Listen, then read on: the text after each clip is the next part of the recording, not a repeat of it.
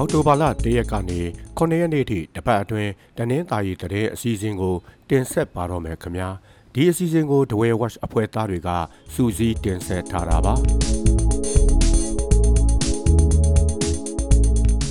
ဒဝဲတက္ကသိုလ်ကျောင်းသားများတမကဥက္ကဋ္ဌ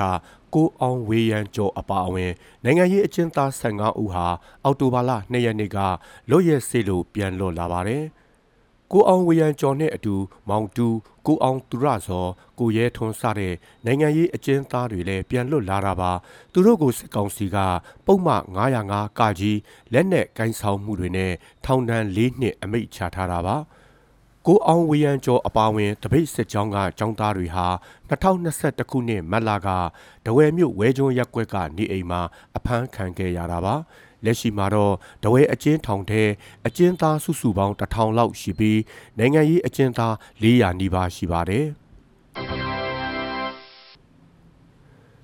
တဝဲထောင်အသစ်ဆောက်တဲ့နေရာမှာအလုတ်လာလုတ်တဲ့အကျဉ်းထောင်ဝန်ထမ်း2ဦးကိုတဝဲပျောက်ကြားတော်လှန်ရေးတပ်ဖွဲ့ DGRF ကစက်လိုက်တာလို့နီးစပ်သူတွေကပြောပါတယ်။ ရေပြူမြို့နယ်စည်းကြရွာနားမှာစောင့်နေတဲ့ထောင်အသက်မှာအလုတ်လုဖို့အတွက်အကျဉ်းသား9ဦးနဲ့ထောင်ဝန်ထမ်း2ဦးဟာစက်တင်ဘာလ30ရက်နေ့ကထွက်လာချိန်ရေဝိုင်းရွာသွားလမ်းပေါ်မှာရှိတဲ့ယထာလမ်းနားမှာအသက်ခံရတာပါအကျဉ်းသား9ဦးရဲ့အခြေအနေကိုတော့မသိရသေးဘူးလို့ဆိုပါတယ်။ ဒီလိုဖြစ်ပြီးနောက်တည့်မှာတော့အခင်းဖြစ်နေရအနီးတစ်ဝိုက်ကိုစစ်ကြောင်းထိုးလာတဲ့စစ်ကောင်စီတပ်နဲ့ DGRF အပါအဝင်တဝဲခရိုင်တိုင်ရင်တဲ့အုပ်အောစစ်ကြောင်းတို့တိုက်ပွဲဖြစ်ခဲ့တယ်လို့ဆိုပါတယ်အကျေးထောင်ဝန်ထမ်း2ဦးအသက်ခံရတဲ့ကိစ္စနဲ့ပတ်သက်ပြီး DGRF အဖွဲ့စီဆက်သွယ်မေးမြန်းချိန်မှာတော့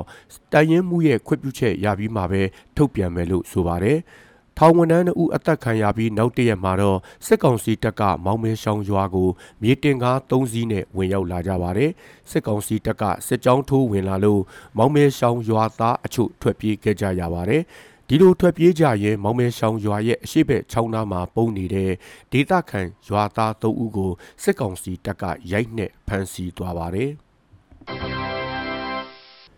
ရေဖြူမြို့နယ်ကလိန်အောင်မြို့နားမှာ Spring Dhamma PDF အဖွဲ့ဝင်2ဦးကြာဆုံးသွားပါတယ်။စက်တင်ဘာလ30ရက်နေ့ကကြောက်ရှက်ရွာနဲ့ရေပုံးရွာအကြားနွယ်လီချောင်းဖျားရှိဥယျာဉ်ခြံတစ်ခုမှာအဲ့ဒီ PDF အဖွဲ့ရှိနေချိန်စစ်ကောင်စီတပ်ကဝင်ရောက်တိုက်ခိုက်ရာကနှစ်ဖက်အပြန်အလှန်ပစ်ခတ်ခဲ့တာလို့ဆိုပါတယ်။ တပ်ဖွဲ့ဝင်9ဦးကဥယျာဉ်ချမ်းဆောက်တဲတစ်ခုမှာခဏနားနေကြတော့အဝိုင်းခံရပြီးပြစ်ခတ်မှုဖြစ်ခဲ့တာလို့ဆိုပါတယ်ပြစ်ခတ်မှုအတွင်း PDF အဖွဲ့ကအသက်25နှစ်ဝန်းကျင်အရွယ်ဘိုးလင်းယုံနဲ့ဘိုမီးဘွားတို့ကြာဆုံးပြီးကြံ3ဦးကတော့လွတ်မြောက်ခဲ့တယ်လို့ဆိုပါတယ်ဖြစ်စဉ်တွင်လက်နက်ခဲယမ်းအချို့လဲဆုံးရှုံးခဲ့တယ်လို့စစ်ကောင်စီဘက်ကလည်းထိခိုက်သေးဆုံးမှုရှိတယ်လို့ဆိုပါတယ်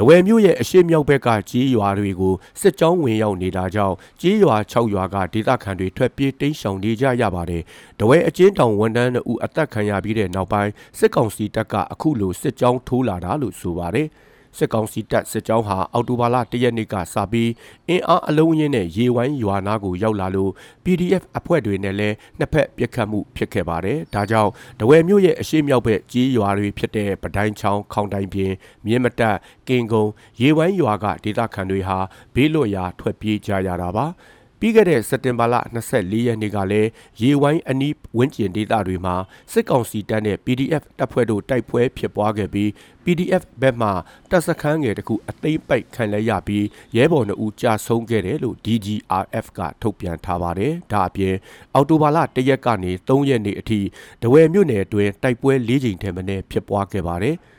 အင်အား300နီးပါးရှိတဲ့စစ်ကောင်စီတပ်စစ်ကြောင်းဟာအော်တိုဘာလ6ရက်အထိရေဝိုင်းရွာပတ်ဝန်းကျင်မှာရှိနေပြီးဒေသခံအမျိုးသား3ဦးကိုလည်းလူသားတိုင်းအဖြစ်ဖမ်းခေါ်သွားတယ်လို့ဆိုပါတယ်။ တဝဲအထူးစီးပွားရေးဇုံဒေသကိုစစ်ကြောင်းထိုးလာတဲ့စစ်ကောင်စီတပ်က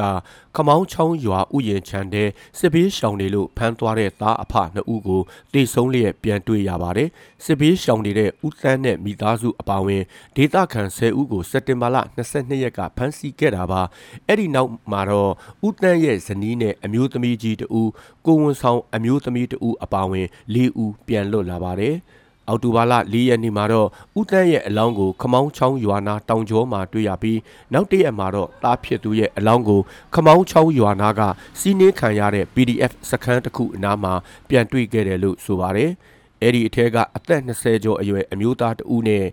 ဆယ်ကျော်သက်အရွယ်အမျိုးသမီးငယ်3ဦးကိုတော့စစ်ကောင်စီတပ်ကဆက်ဖမ်းဆီးထားတယ်လို့ဆိုပါတယ်။ ထိုင်းမြန်မာနယ်စပ်ရှိထီခီကုံသွယ်ရေးစခန်းနာကကော်တူးလီအာမီတပ်စခန်းငယ်တစ်ခုကို KNU တပ်မဟာလေးရဲ့ KNLA တပ်ရင်းကအောက်တိုဘာလ3ရက်မှာတိုက်ခိုက်သိမ်းပိုက်ခဲ့ပါတယ်။ကော်တူးလီအာမီရဲ့ယာယီကင်းစခန်းတစ်ခုဖြစ်ပြီးတော့တပ်ဖွဲ့ဝင်နည်းနည်းပဲနေထိုင်တာလို့စာကစောတပ်မရဲ့ပြန်ကြားရေးတာဝန်ခံကပြောပါတယ်။လူအင်အားနဲ့တလို့လက်နက်အင်အားလည်းပြည့်ပြည့်စုံစုံမရှိတာကြောင့်ပဋိပက္ခတွေမကြီးထွားစေဖို့ကြိုးရှောင်ခဲ့လို့ပြစ်ခတ်မှုဖြစ်ခဲ့တာမရှိဘူးလို့ဆိုပါတယ်။ KNU တပ်မဟာလေးမြိတ်တဝဲခရိုင်အတွင်းရင်မူဖဒိုစောအဲနာကတော့စခန်းသိမ်းတဲ့နေ့ကနှစ်ဖက်အပြန်အလှန်ပြစ်ခတ်မှုဖြစ်လို့ KNU ဘက်ကနှစ်ဦးဒဏ်ရာရခဲ့တယ်လို့ပြောပါတယ်။ကရင်လက်နက်ကင်နှစ်ဖွဲ့အကြားတင်းမာနေတာကိုစစ်ရေးနီးနဲ့မဖြေရှင်းပဲငိမ့်ချမ်းတဲ့နီးနဲ့ပဲအဖြေရှာကြဖို့ကရင်တိုင်းရင်သားအဖွဲ့အစည်းတွေနဲ့ပြည်ပရောက်ကရင်အဖွဲ့အစည်းတွေကတောင်းဆိုထားပါတယ်။ တဝယ်မြို့အခြေဆိုင်ဇဘူတီတီအရေးပေါ်လူနာကူညီတဲဆောင်ရေးအဖွဲ့တီထောင်သူဦးနိုင်မျိုးသွင်ဟာအောက်တိုဘာလ၁ရက်နေ့ကအဖွဲ့ကနေနှုတ်ထွက်လိုက်ပါတယ်။အဖွဲ့အစည်းအဝေးခေါ်ယူပြီးအလုံအမှုဆောင်ကော်မတီဖွဲ့စည်းကနှုတ်ထွက်လိုက်တာလို့ဆိုပါတယ်။ဦးနိုင်မျိုးသွင်ဟာစက်တင်ဘာလ16ရက်နေ့ကလောင်းလုံးမြို့နယ်ကြောက်နီမော်ရွာမြေပြိုတဲ့နေရာကိုကယ်ဆယ်ရေးတွားပြီးအပြန်ဂေါ်အင်းရွာကျဲတောင်နားမှာတဝယ်မြို့ပြပျောက်ကြားတပ်ဖွဲ့ကဖမ်းဆီးခဲ့ပါတယ်။ 17ရက်ကြာဖမ်းဆီးစစ်ဆေးခံရပြီးတဲ့နောက်ပြန်လည်လွတ်မြောက်လာပြီး9ရက်အကြာမှာတော့ဒီလိုမျိုးနှုတ်ထွက်လိုက်တာပါလောင်လုံးမြို့နယ်ကြောက်နီမော်ရွာကစစ်ကောင်စီတပ်စခန်းကိုအော်တိုဘာလ၄ရက်မနေ့စောစောကပြည်သူ့ကာကွယ်ရေးတပ်ဖွဲ့တစ်ခုကဝင်ရောက်တိုက်ခိုက်ခဲ့ပါတယ်။ကြောက်နီမော်ရွာကစက်ယုံဟောင်းမှာတပ်ဆွဲနေထိုင်တဲ့စစ်ကောင်စီနဲ့ပြူစောထီပူပေါင်းစခန်းကို ပြည်သူ့ကာကွယ်ရေးတပ်ကလက်နက်ကြီးလက်နက်ငယ်တွေနဲ့ပစ်ပြီးဝင်ရောက်တိုက်ခိုက်ခဲ့တာပါ၃နာရီနီးပါးအကြာနှစ်ဖက်ပစ်ခတ်မှုတွေကြောင့်ဒေသခံတွေဘေးလွတ်ရာထွက်ပြေးကြရပါတယ်ကြောက်ညီမော်ရွာဟာတဝယ်ကနေကုန်းချောင်းရေချောင်းနဲ့တွာလာနိုင်တဲ့ရွာဖြစ်ပါတယ်မြိတ်မြို့မှာအစရင်မတိုင်ရင်ကြက်တသိန်းလောက်အထိတောင်းယူတာတွေရှိနေပါတယ်စစ်ကောင်စီကပြင်ဆင်လိုက်တဲ့အစရင်ဥပဒေအရအစရင်မတိုင်ရင်ဒဏ်ငွေကြက်တသောင်းပဲပေးဆောင်ရမှာဖြစ်ပေမဲ့ မြိတ်မှာတော့ကြက်တသိန်းအထိပေးနေရတာပါမြိတ်မြို့မှာအစင်းစစ်တာတွေတင်းကျပ်နေသလိုအစင်းတိုင်ချိန်ပေးရတဲ့အခကြေးငွေကိုလည်းတိုးကောက်လာပါတယ် အရင်ကတပတ်ကိုကြက်900ကနေကြက်1000အထိပဲပေးရပြီးမြဲအခုဆိုရင်ကြက်3000အထိပေးရတယ်လို့ဆိုပါတယ်စစ်ကောင်စီပြင်ထားတဲ့ဥပဒေမှာတော့အစင်းတိုင်ရင်ပိုက်ဆံမပေးရဘူးလို့ဖော်ပြထားပါတယ်တိုက်ပွဲတွေကြောင့်အခြားဒေသကစစ်ဘေးရှောင်တွေဟာမြိတ်မြို့ပေါ်မှာလာရောက်တိမ်းရှောင်နေတာကိုအခွင့်ကောင်းယူပြီးတရားမဝင်အစင်းငွေကြေးတွေတောင်းခံနေတာလို့ဆိုပါတယ် ပြီးခဲ့တဲ့နှစ်လလောက်ကလည်းအင်းလေးမြိုင်ရက်ွက်ကအိမ်တဆောင်းမှာအစင်းမတိုင်လို့ဆိုပြီးတယောက်ကိုကြက်တသိန်းစီတောင်းသွားတယ်လို့ဆိုပါတယ်